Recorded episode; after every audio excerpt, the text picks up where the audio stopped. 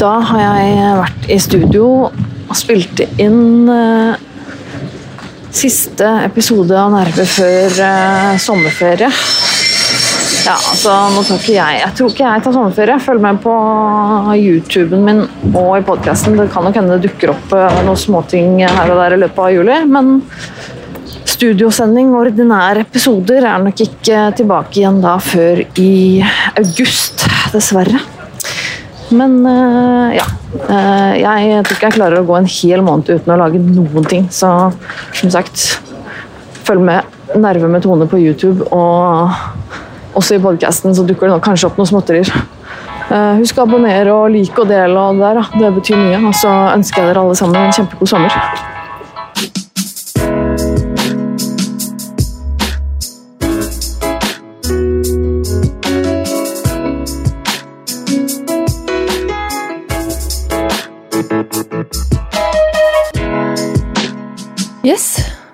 Hallo. Velkommen til eh, nummer, episode nummer 28 av Nerve. Eh, vi kjører på på der, maskinen der. I dag sitter jeg med iPaden. Yes, jeg tok sjansen i dag. Foreløpig går det fint. jeg har også koblet til strøm, og ja, jeg tror, eh, jeg tror dette er innafor. Nå er det iPad og kaffe. Og mikk og Å, hele pakka. Ok. Tror dette er innafor. Ok.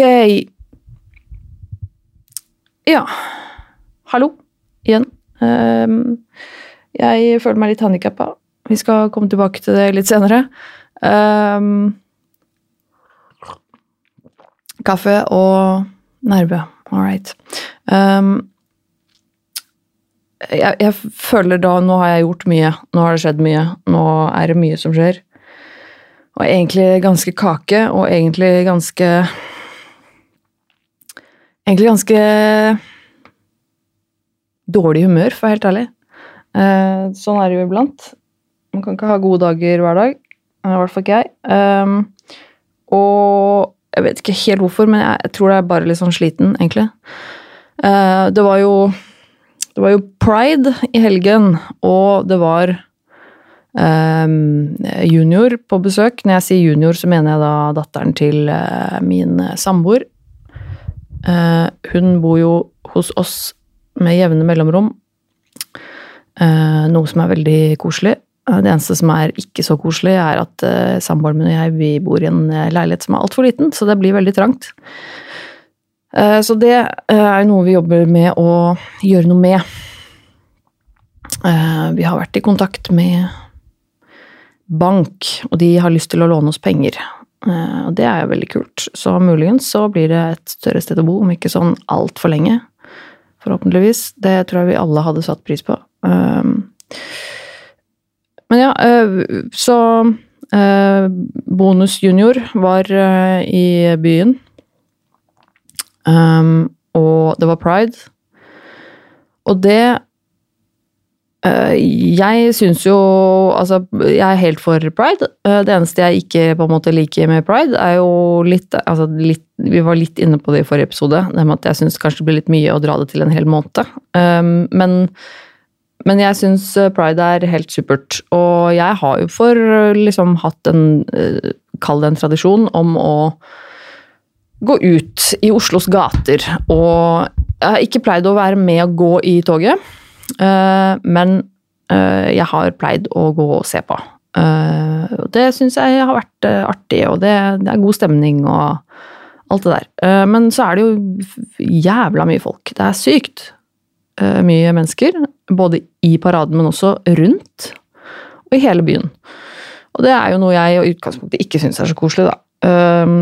Så men uh, han tjommen min hjemme, han samboeren min, han er veldig glad i å ta bilder. Uh, han har liksom fotohobby. Uh, så vi skulle da ut og se på paraden, og han skulle ta noen bilder. Og dette var jo også sammen med Bonus Junior, som, og hun var jo da med oss. og det endte jo egentlig med at samboer stoppet opp for å bli stående og ta bilder, og bonus junior og jeg ble stående litt sånn øh, This is boring. Nå Vi gidder ikke å bli stående her. Fordi da var vi liksom Vi bor jo liksom på, nede på Tøyen, Grønland, og da Det er jo der den begynner. Så ble det liksom bare at vi gikk og så det samme paraden hele tiden, fordi tok liksom følge med den, og det ble jo helt teit. Så, og så hadde vi ikke lyst til å stå stille. Så endte, og så var det veldig mye folk, og så endte det da med at um, jeg tok med Bonus Junior på en liten shoppingrunde i byen, og det var egentlig veldig hyggelig. Det var faktisk kjempekoselig. Så det blir jo bare hun og jeg som tusler rundt, og så kikker vi innom noen butikker og uh, sikler på hoodies og klær, og jeg kjøpte noen småting og Uh, hadde kjøpt is, og det var egentlig bare kjempekoselig. Um, og hun er jo verdens kuleste tolvåring. Uh, og er liksom så enkel å ha med å gjøre, og utrolig kul og fantastisk skjønn. Så jeg koser meg veldig. Uh, som jeg pleier å gjøre. Og det merker jeg jo Jeg merker jo det at jeg begynner å Jeg, jeg, jeg snakket med eh, Bare for å ta en veldig sånn kort Jeg eh, tok eh, Jeg fikk en eh, mail fra en lytter og snakket litt om eh, dette med forhold og det og hvor vanskelig det er å forholde seg til folk, og det med følelser og litt sånne ting. Og da påpekte jeg også det at det å det å få følelser for noen, enten om det er kjærlighet eller vennskap, på en måte, eller, altså, eller romantiske følelser eller vennskap, eller hva det er, så det å åpne seg opp og gi de følelsene, det å åpne for de følelsene uh, og gi av seg selv, investere i et vennskap eller et forhold, det er jo en risikosport. Um, og det, det, det, er skummelt. Det er fordi du har mye å tape. Uh, men du har også veldig mye å vinne, og du vil jo på en måte ikke vinne like mye heller hvis ikke du satser. Uh, men det, selvfølgelig føles det jævlig skummelt å bare putte alt inn i et uh, kjærlighetsforhold, eller hva det skal være. Um, og jeg merker jo veldig at jeg, jeg tenker på det, jeg kjenner på det innimellom med, med, det forholdet som jeg har nå, med at han også har en datter som jeg begynner å bli veldig glad i, og det føler jeg liksom at jeg har enda mer å tape. fordi at hvis, jeg, hvis dette forholdet her går til helvete, så taper jeg ikke bare samboeren min, jeg taper også min uh, lille bonus junior. Og det er veldig dritt og litt skummelt, så jeg merker at jeg blir litt sånn Det er litt skummelt at jeg liker henne så godt. um, uh, men det er selvfølgelig veldig bra, og jeg har jo ingen planer om at det skal gå til helvete på noe tidspunkt, så jeg håper ikke det gjør det. Um, og man må satse for å vinne. Um, noen ganger så går det til helvete, og andre ganger så går det veldig bra. Og jeg tenker jo også i utgangspunktet at jo mer du, jo mer du satser, jo større vinner du også. Så Og jeg ehm, Ja, så det, det er litt ehm, det jeg prøver på. Ikke være altfor redd for mine egne følelser. Um, og så har jeg um, Jeg har eh, ja, jeg har vært på konsert. En eh, slags liten intimkonsert. Eh, og det var uh, veldig gøy. Og det innebar jo at jeg også drakk alkohol. Og for første gang på veldig, veldig mange år så ble jeg full. Og det Altså, det høres sikkert uh, veldig rart ut for uh, de fleste som har et litt mer avslappa forhold til alkohol, men uh, jeg har altså ikke vært full på Oi. Ja, er, jeg tror det er tror det er fem år, liksom. Kanskje. Uh, siden jeg var full. Det er ikke fem år siden sist jeg på en måte drakk noe alkohol, men jeg har aldri for vane å drikke så mye at jeg blir full. Uh, jeg syns i utgangspunktet det å være full er forferdelig grusomt ekkelt. Uh, jeg liker det ikke. Jeg liker ikke å være full, jeg liker ikke fulle mennesker sånn generelt. Og det for meg da å drikke så mye, det var litt sånn Uh, utenom det vanlige, kan man si. Uh, jeg, men jeg føler jo at det var noe jeg trengte, fordi uh, det var mye folk der. Og de aller fleste hadde jeg aldri møtt før. Og de jeg, få jeg hadde møtt før, hadde jeg liksom bare født, møtt noen veldig få ganger. Så det var litt noia. Um, og hele liksom settingen og møte opp der og liksom Ja, og det var uh, det, var, det var litt noia, altså. Um, men det gikk bra. Uh, det ble en hyggelig kveld. Jeg kom meg hjem, uh, og ingen tok skade. så jeg tenker er det er, det er, det er bra. Det, det, gikk fint. Og jeg, jeg, kommer nok ikke til å ha for vane å drive og drikke meg drita, for det Åh, oh, god. Det er jo helt forferdelig. Men uh, da har jeg gjort det, holdt jeg på å si. Um, jeg tenkte også uh, kanskje at uh, At jeg skulle si noe mer om uh, dette med forhold. Men jeg vet liksom ikke hvor mye jeg skal si, eller hvordan jeg skal si det, eller hva som er interessant å si. Uh, dette med åpent forhold og litt sånn utradisjonelle samlivsformer, da, for å si det sånn, uh, det er jo noe jeg syns er interessant. Uh, og jeg mener jo absolutt at det er noe vi burde snakke mer om, og at det burde være mer åpent rundt det, generelt i samfunnet. Jeg husker ikke akkurat jeg husker ikke hvilken podkast jeg hørte på, det var en eller annen episode av en eller annen podkast jeg hørte på nå forleden, hvor de liksom um, kom opp uh, dette med åpne forhold uh, i en eller annen bisetning, og det ble referert til som en sånn merkelig syk greie, uh, hvor enten man på en måte da er veldig unormal, eller at man bare ikke har det bra i forholdet sitt. Um, som jeg tror veldig mange Veldig mange kanskje tenker at uh, Oi, unnskyld.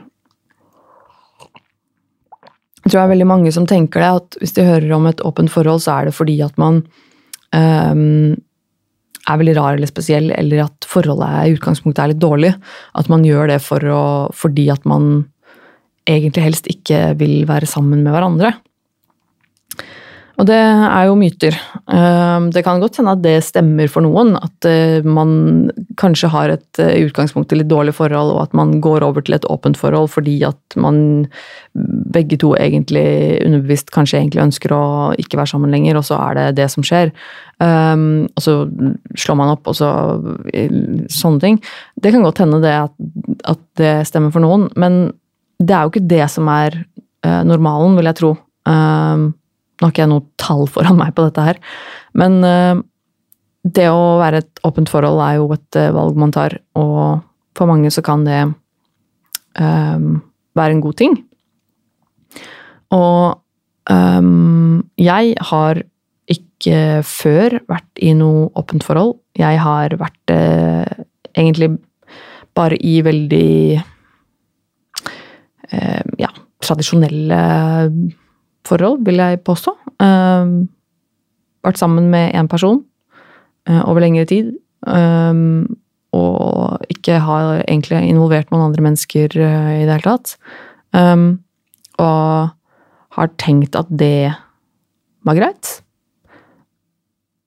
Og det er det jo for de fleste, sikkert så er det jo det. Og det, har man lyst til å leve monogamt, så er det jo overhodet ikke noe i veien med det. Um, jeg tror også at det er mange der ute som kanskje egentlig um, burde eller ønsker å hatt et åpent forhold, men som kanskje ikke tror at det går an. eller uh, Det er litt sånn Jeg føler at det ofte er um, litt sånn at man Det med det med sex og behov for sex og de, akkurat de lystene der og de, de, tingene, de er på en måte i samfunnet vårt litt sånn tradisjonelt vært dysset ned og tabu, og at de skal ikke handles på, og de skal ikke tas hensyn til.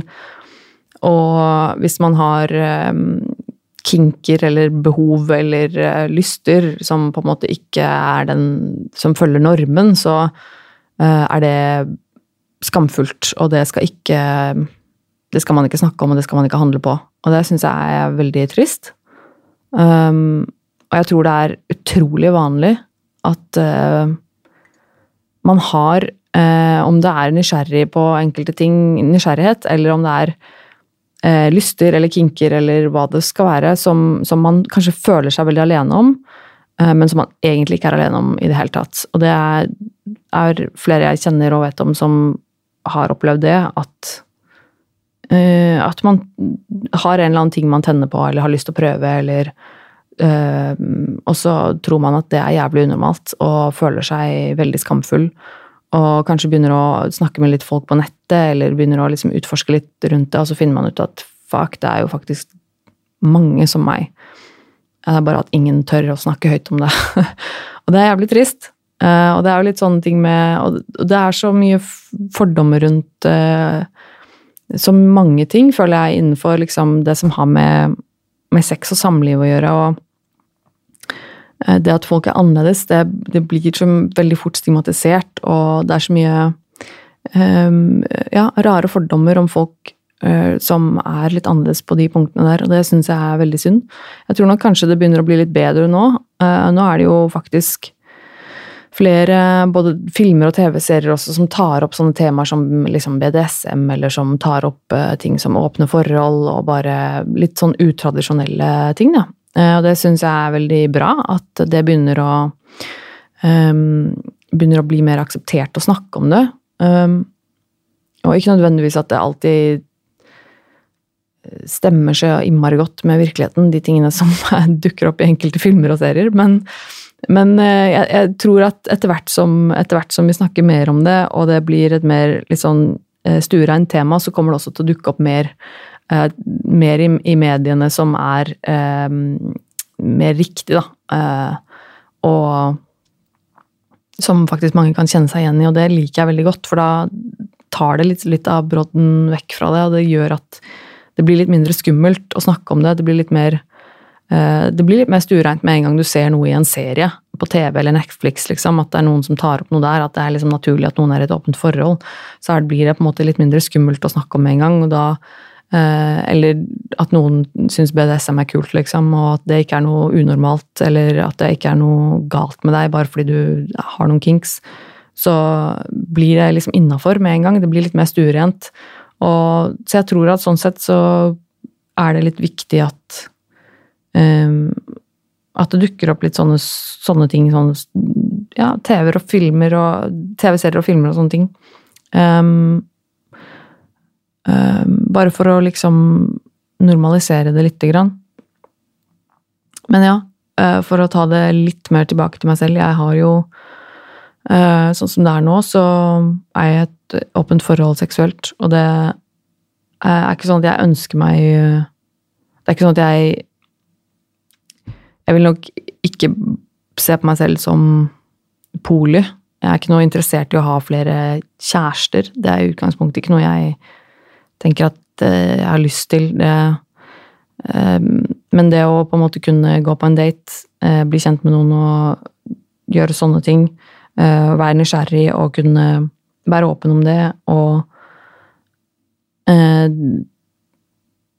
Det handler egentlig mest om å og det å kunne dele det med min samboer.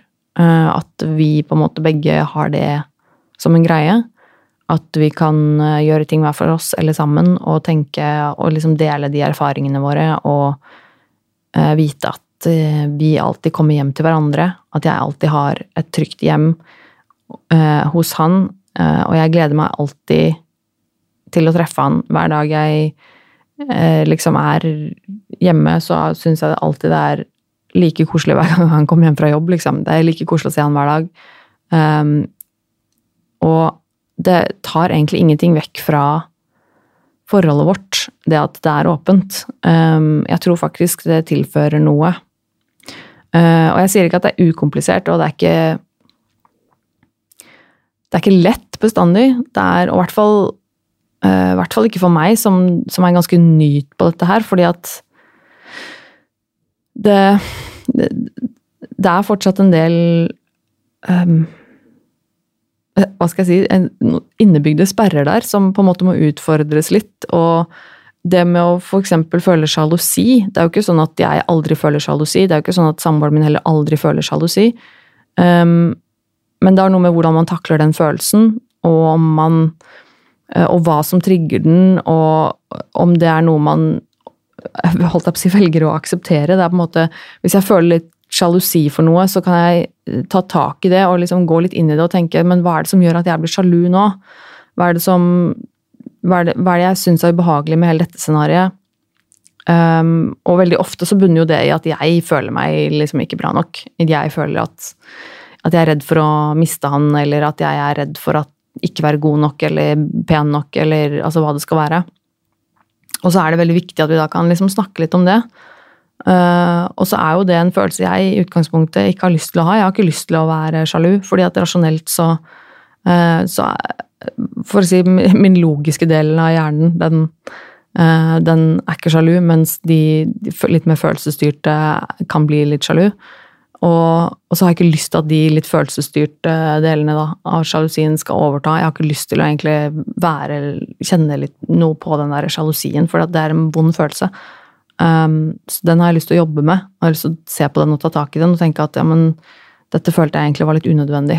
Og en ting er, altså Noen ganger så er sjalusi en, en følelse man trenger, eller som er nødvendig, og det er helt innafor. Um, men, men, det, er ikke alltid sånn det er. Det er ikke alltid at uh, en følelse uh, trenger å være der, for å si det sånn. Um, det er ikke alle følelser som er um,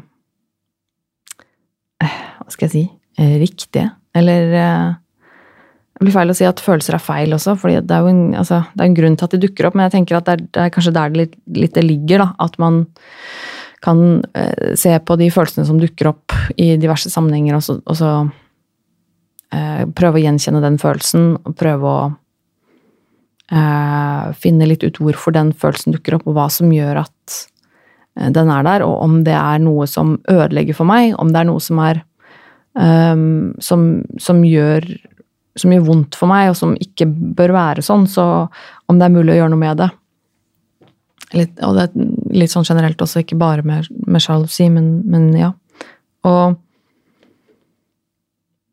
um, men ja, det, det, er, det, er, ikke bare lett. Det er jo på en måte en, en prosess, og fortsatt ganske nytt for meg, men jeg, jeg um, det, det føles uh, um, riktig. Det er liksom ikke um, det, er ikke noe, det er ikke noe galt i det. Det er ikke noe feil med det. Og ehm, jeg har jo Men jeg merka det veldig Det eh, var senest i går. Ehm, jeg hadde eh, vært på date eh, for, bare for å si det sånn, jeg hadde truffet en person da, som jeg hadde truffet et par ganger før. Og så er jo en veldig viktig Et veldig viktig aspekt i forholdet vårt generelt er jo åpenhet. Altså kommunikasjon, da. At det, vi kan snakke om ting og fortelle hverandre og alt mulig, og være veldig åpen om hva vi føler og tenker. Det er veldig, veldig viktig for meg.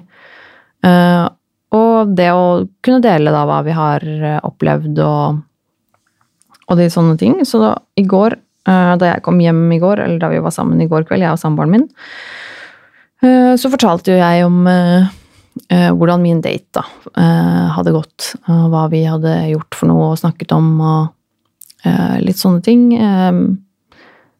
Og jeg merker jo veldig liksom på den Da kjente jeg at jeg liksom Jeg måtte anstrenge meg litt for å for å klare å fortelle det.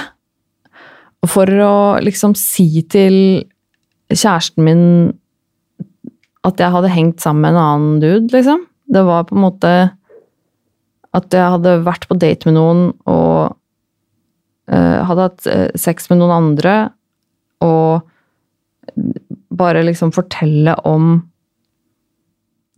Ja, altså Bare hele ettermiddagen, liksom. Altså og jeg hadde ikke gjort noe galt, jeg hadde ikke gjort noe jeg ikke fikk lov til. Jeg hadde ikke gjort noe, noe, noe feil, noe som ikke, og jeg hadde ikke gjort noe som ikke han visste om. altså Det er på en måte helt åpen kommunikasjon. Eh, jeg forteller jo alltid om hva, som, hva jeg skal, og hva som er planer, og vi deler jo ting. Eh, men likevel, jeg merka at jeg at det var litt sånn litt ubehagelig. At det litt, dette her er litt vondt å si, for at jeg føler at jeg føler at jeg, så, jeg sårer deg nå. Fordi at det sitter Fordi at det er jo liksom programmert i meg, det der med at Men sånt her skal jo ikke man drive med når man har kjæreste. Uh, og så jeg, jeg merka liksom at jeg måtte jobbe litt med å, med å fortelle det, med å si det, fordi at Jeg føler liksom at nå sårer jeg han. Nå sårer jeg kjæresten min når jeg forteller om disse tingene her. Nå blir han lei seg. Nå, nå har jeg gjort noe galt, og nå, nå blir han lei seg.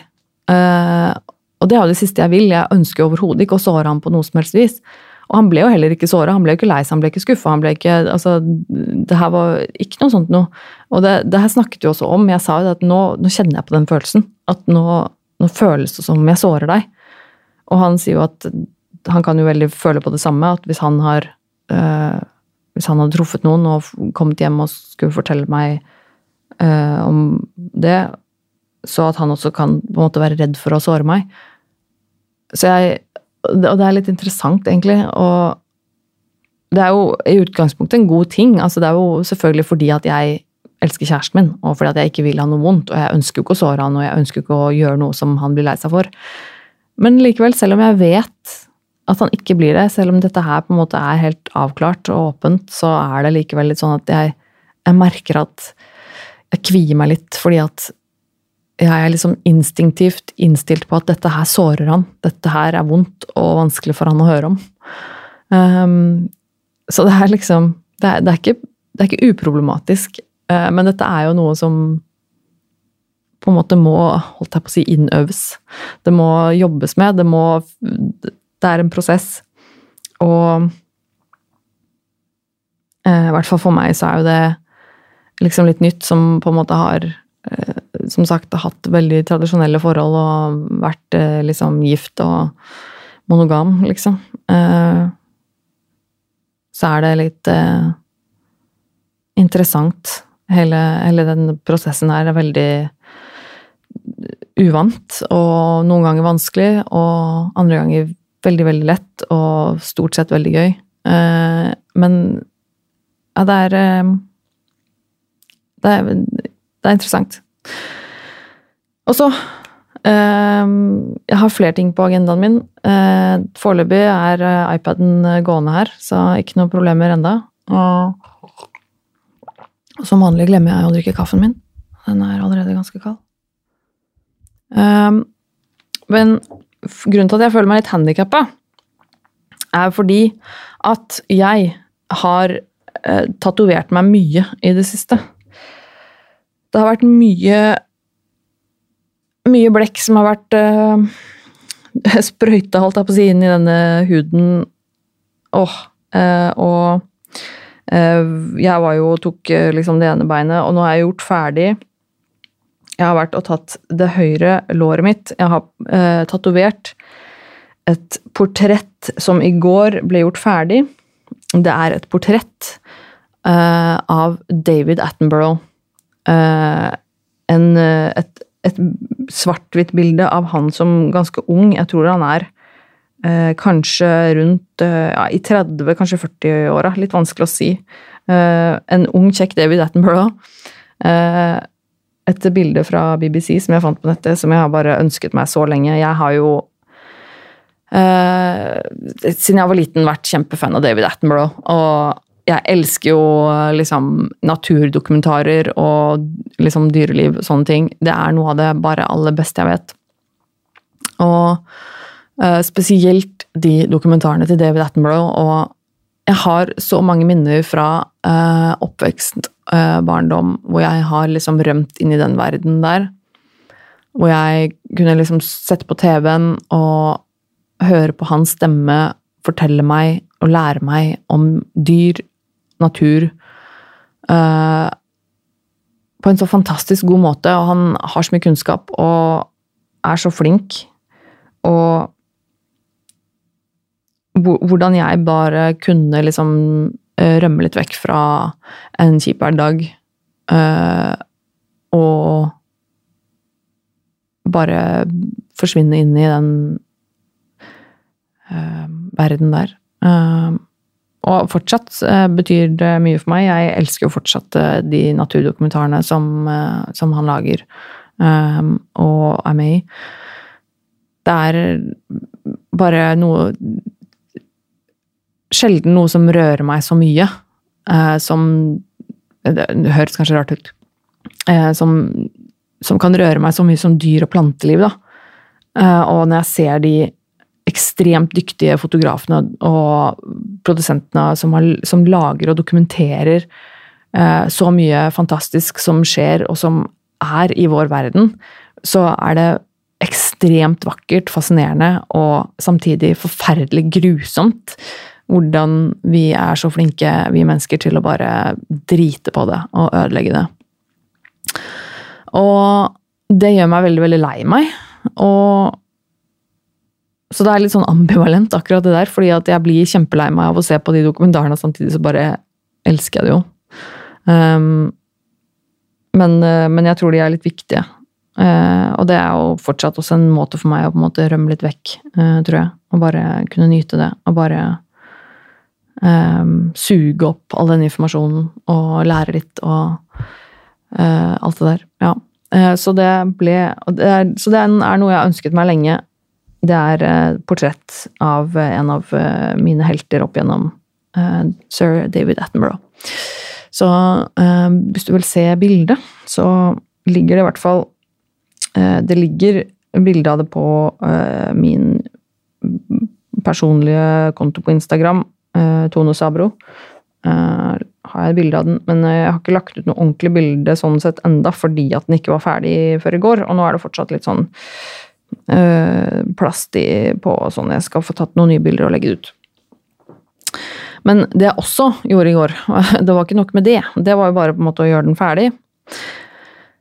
Men jeg begynte også på uh, å tatovere min venstre arm. Uh, og det jeg har gjort med den venstre armen, er at uh, den er nesten blacka ut. Det er det jeg jobber med, da, å blacke den ut. Eh, det vil si altså at um, ja, For jeg har jo tatovering der fra før av. Det vi har gjort nå, er at tatovert uh, svart blekk over det gamle. Uh, altså helsvart. Så nesten hele underarmen min er nå svart. Uh, du som ser dette på YouTube, kan se dette. Jeg skal også legge ut en video Eh, jeg, jeg, jeg filmet dette her da jeg, da jeg, kom hjem i går etter dette her.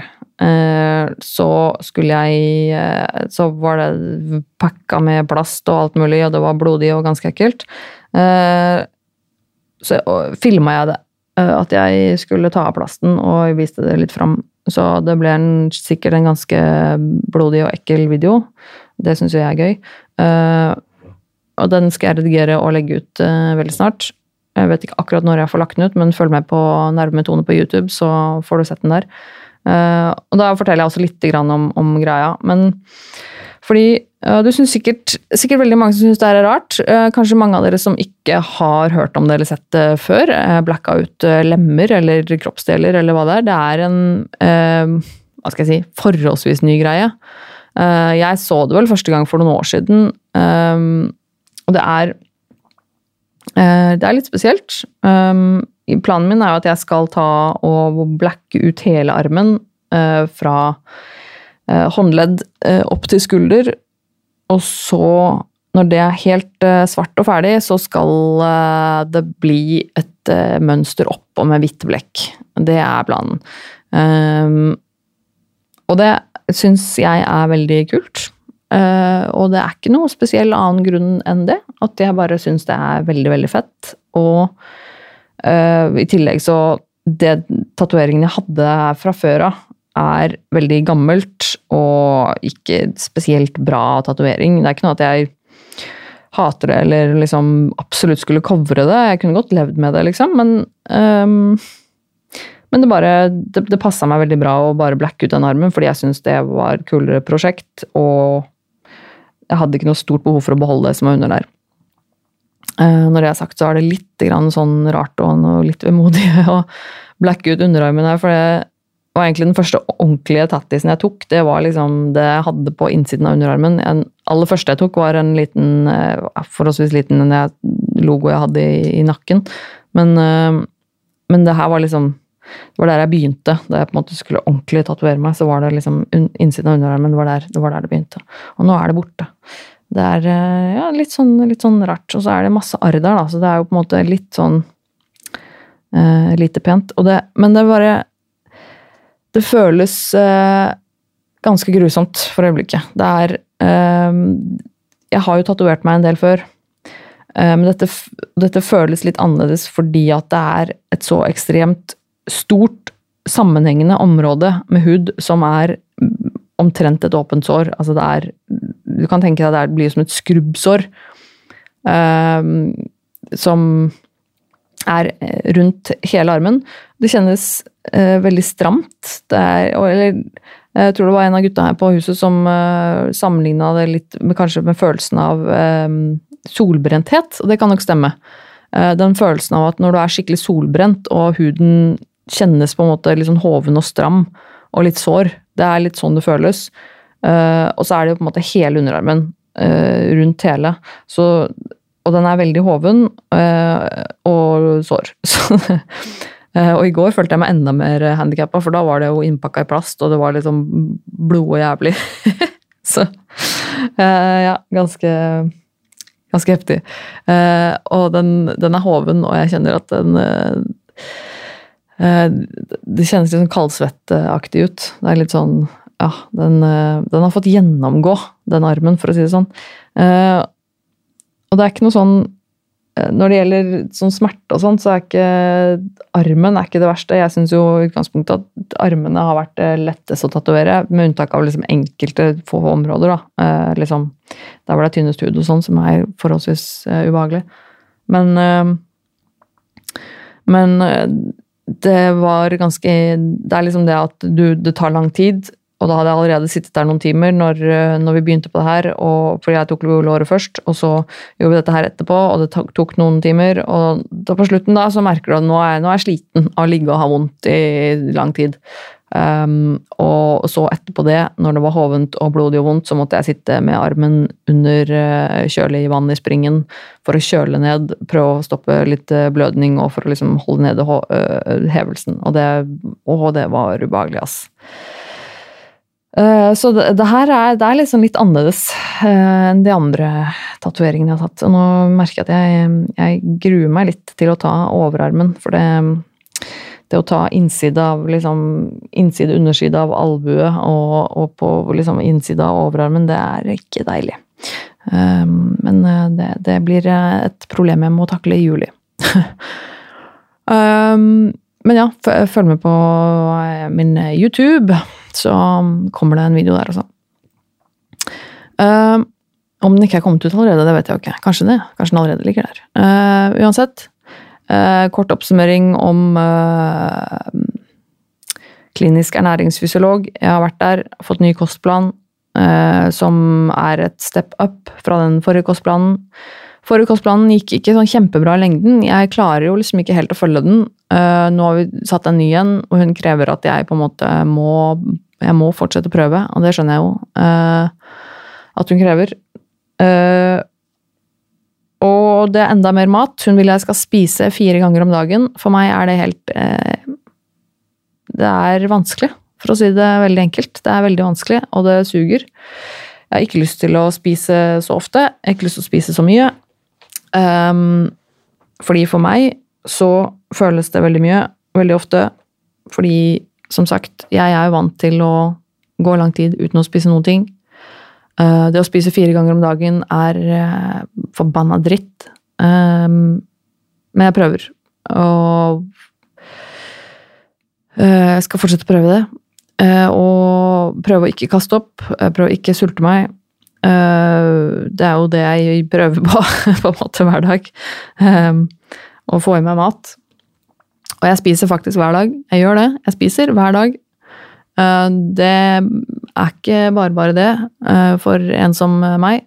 Uh, Men jeg gjør det, og det har jeg gjort en god stund nå, at jeg faktisk har fått i meg noe mat uh, hver eneste dag. Og det er bra. Det er bra. Det må jeg fortelle meg selv. Det er veldig bra. Og jeg skal fortsette med det. Det kommer til å gå opp og ned, det kommer til å være vanskelig, det kommer til å være dritt. Men jeg skal klare å spise noe hver dag. Og helst fire ganger om dagen. Så jeg, jeg, skal virkelig prøve. Um, jeg har én uh, time hos min psykolog på DPS i morgen. Og så tror jeg ikke jeg får se han noe mer hele juli. Og det er bare sånn Ja, jeg, jeg var jo litt inne på det her, men synes, det er bare så ræva oppfølging jeg får der nå. Det bare funker så dårlig, det opplegget der. Uh, nå skal jeg gå en hel måned, uh, sånn som jeg forsto han, da, uten å få noe time der. Uh, og det, det, Jeg har jo ikke fått det hver uke engang. Nå det siste har ikke han hatt tid til å gi meg en time i uka. Eh, det er enkelte uker hvor det har gått liksom to uker mellom hver gang, og det syns jeg bare er helt ræva, for å si det rett ut. Eh, jeg vet faen hva, hva, han mener at det skal gå greit med liksom en hel måned uten en time. Eh, takk skal du ha. Eh, jeg er litt usikker på om jeg får noen time hos eh, min kliniske ernæringsfysiolog i juli. Jeg har i hvert fall en time til hos henne om ikke så altfor lenge, så eh, kanskje det blir en slags erstatning, eller i hvert fall noe form for oppfølging eller støtte eh, i juli. Eh, eller så var det snakk om at vi skulle få henvist meg til en mm, privatpraktiserende, altså en avtalespesialist, så kanskje det er det jeg må jobbe med i juli. Jeg må skrive søknaden. Um, ref forrige episode hvor jeg snakket litt om det. Um, og så uh, Så vi får se hvordan det går. Um, jeg har også vurdert om jeg skal lage noe på engelsk av dette her.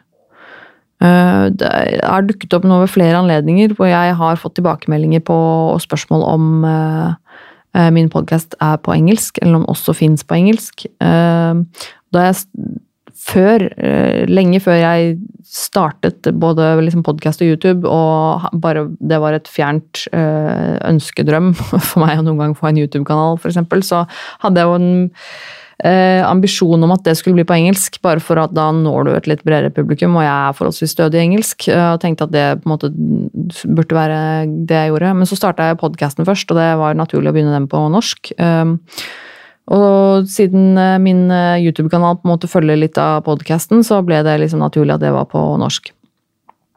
Eh, men så har jeg fått en både eh, Jeg har fått noen liksom, tilbakemeldinger liksom, på sosiale medier, også folk jeg har truffet liksom, in real life, som mm, er fra mm, engelsktalende land eller fra land hvor de ikke snakker norsk, som hadde vært interessert i å høre podkasten min.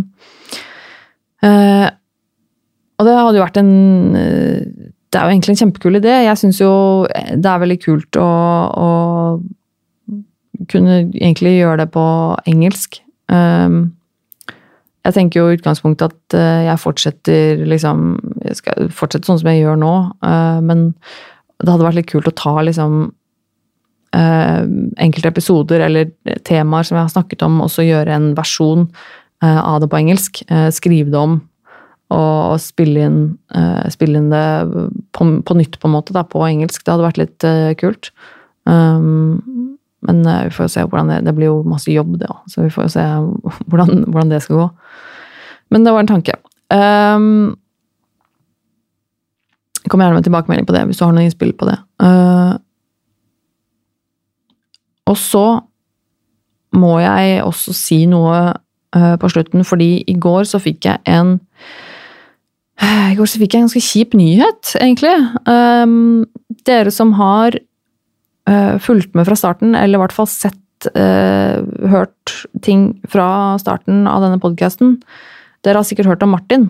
Um, og jeg hadde jo også hørt uh, Sikkert hørt Martin i Spesielt i de videoene jeg lagde i starten som ligger på YouTube som heter Baksnakk. De som var liksom bakom-filmer holdt jeg på å si, fra studio.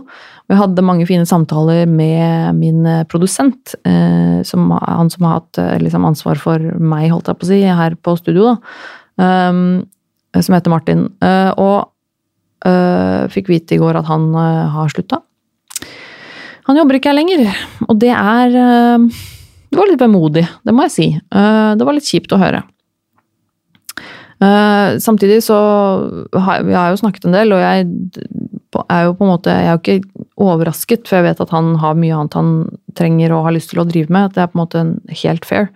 Uh, men det, bare, det var jo kjipt, selvfølgelig, å høre at han ikke jobber her lenger. Og må liksom bare gi en shout-out til Martin uh, fra stolen her og si tusen hjertelig takk for de fine samtalene og all hjelpen som du har gitt meg. Eh, spesielt i starten, da jeg starta dette her og var veldig usikker og um, ting eh, eh, ja, var tøft og vanskelig, og hatt noen kjempe, kjempefine samtaler og stunder her med deg, Martin. Og må bare si masse lykke til videre i det du skal gjøre. Du har masse talenter, du kommer til å gå dritbra. Uh, håper du får det bra. Uh, og så oppfordrer jeg dere til å gå inn på YouTube og sjekke ut de baksnakk-videoene som ligger litt, litt tilbake i tid. Uh, for de er ganske kule. Det var en litt kul greie som bare viser seg at det ble litt for mye jobb for meg å drive med det også i tillegg, så det, den forsvant litt ut. Men de ligger der, så de er veldig godt mulig å gå inn og se på, slash høre på, på YouTube. Så gjør det. Det er veldig bra. Igjen takk, Martin. Eh, denne gangen er eh, det er siste innspilling i studio eh, før juli i dag. Moderne media er stengt i juli. De tar altså ferie, disse gutta. Det skjønner jeg veldig godt. Det fortjener de. Og det vil jo si, litt som jeg var inne på i forrige episode, at det vil ikke bli noe studioinnspilling på meg i hele juli. Men jeg har tilgang til, eh, til uh, distribusjonsverktøyene, så jeg kan, uh, og har tenkt til, jeg har lyst til, å lage noen blogcasts i juli. video slash blogcast som da kommer til forhåpentligvis da blir lagt ut også i, både i podkastene og på YouTube. og så Eh, kan jeg liksom ikke love noe om hyppighet eh, på det. Eh, jeg skal Jeg skal reise litt. Jeg skal ha litt ferie. Jeg ønsker å nyte sommeren litt. Og jeg elsker jo å lage dette her. Jeg, jeg, nerve er jo hjertebarnet mitt. Så det er jo ikke sånn at jeg, jeg, har ikke lyst til å gå hele juli uten å lage noen ting. Det virker veldig absurd for meg. Men men altså, eh, så kan det hende at det ikke blir liksom type hver fredag. Eh, men jeg vil oppfordre deg til å eh, abonnere på podkasten. Så dukker du opp der i podkast-appen din når det dukker opp noe herfra. Og selvfølgelig sjekke ut YouTube, fordi det er nok kanskje mest sannsynlig der det dukker opp noe. Sånn i hvert fall garantert at det dukker opp noe der hvis de gjør noe. Fordi hvis jeg lager noe, så vil det legges ut på YouTube, og i så fall eh, på podkasten. Men ja. Eh, nerve med tone, det er liksom det du må huske når det gjelder sosiale medier, YouTube, eh, podkast, hva det er. Eh, og også mail. Nerve med tone at gmail.com. Eh, send meg gjerne mail med tilbakemeldinger. Om det er noe du har lyst til å fortelle meg, om det er noe du vil spørre meg om, om du har noe innspill til hva jeg kan snakke om. Eh, det setter jeg kjempestor pris på. Eh, jeg syns jo det er så gøy å høre fra dere. Og det som jeg også la merke til nå, eh, som jeg har på en måte tenkt over både når det gjelder tilbakemeldinger fra på sosiale medier og på mail og på YouTube og sånne ting, så er det omtrent 50-50 menn og damer. Det syns jeg er veldig, veldig kult. Um, ikke noe spesiell grunn til at det skulle vært noe annerledes, uh, men ville bare påpeke det. Det syns jeg er dritfett. Uh, at uh, både equals, menn og kvinner, er eh, interessert i det psykisk helse og generelt i det rare greiene jeg driver med. Det er veldig, veldig kult. Ehm, så sjekk ut eh, YouTube, eh, Nerve med Tone. Abonner veldig gjerne, og lik og del og sånn, fordi at det er ikke så lett å være synlig i podkastverden hvor alle kjendiser får 100 000 millioner følgere bare fordi de er kjendis, og på YouTube og sånn. Det, det er ikke så lett å komme gjennom der. Og hvis jeg skal klare å fortsette å drive med dette her, så må det spres på et eller annet vis. Jeg håper jo at det er det som skjer.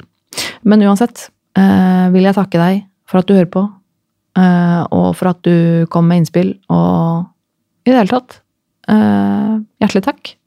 Og vi høres igjen i eh, juli, vil jeg tro. Ses slash høres, og vil selvfølgelig ønske dere alle en god sommer. Veldig, veldig god sommer til alle sammen. Jeg digger dere, alle som hører på. Dere er de mest kuleste lytterne, seerne i verden.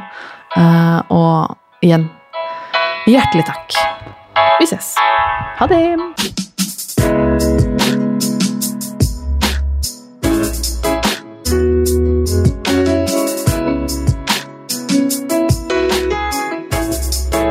media.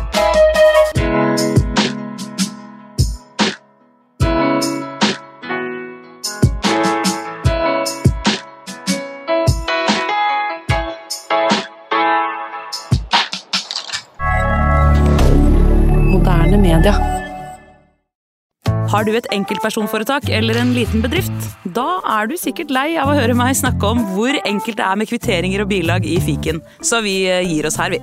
Fordi vi liker enkelt. Fiken superenkelt regnskap.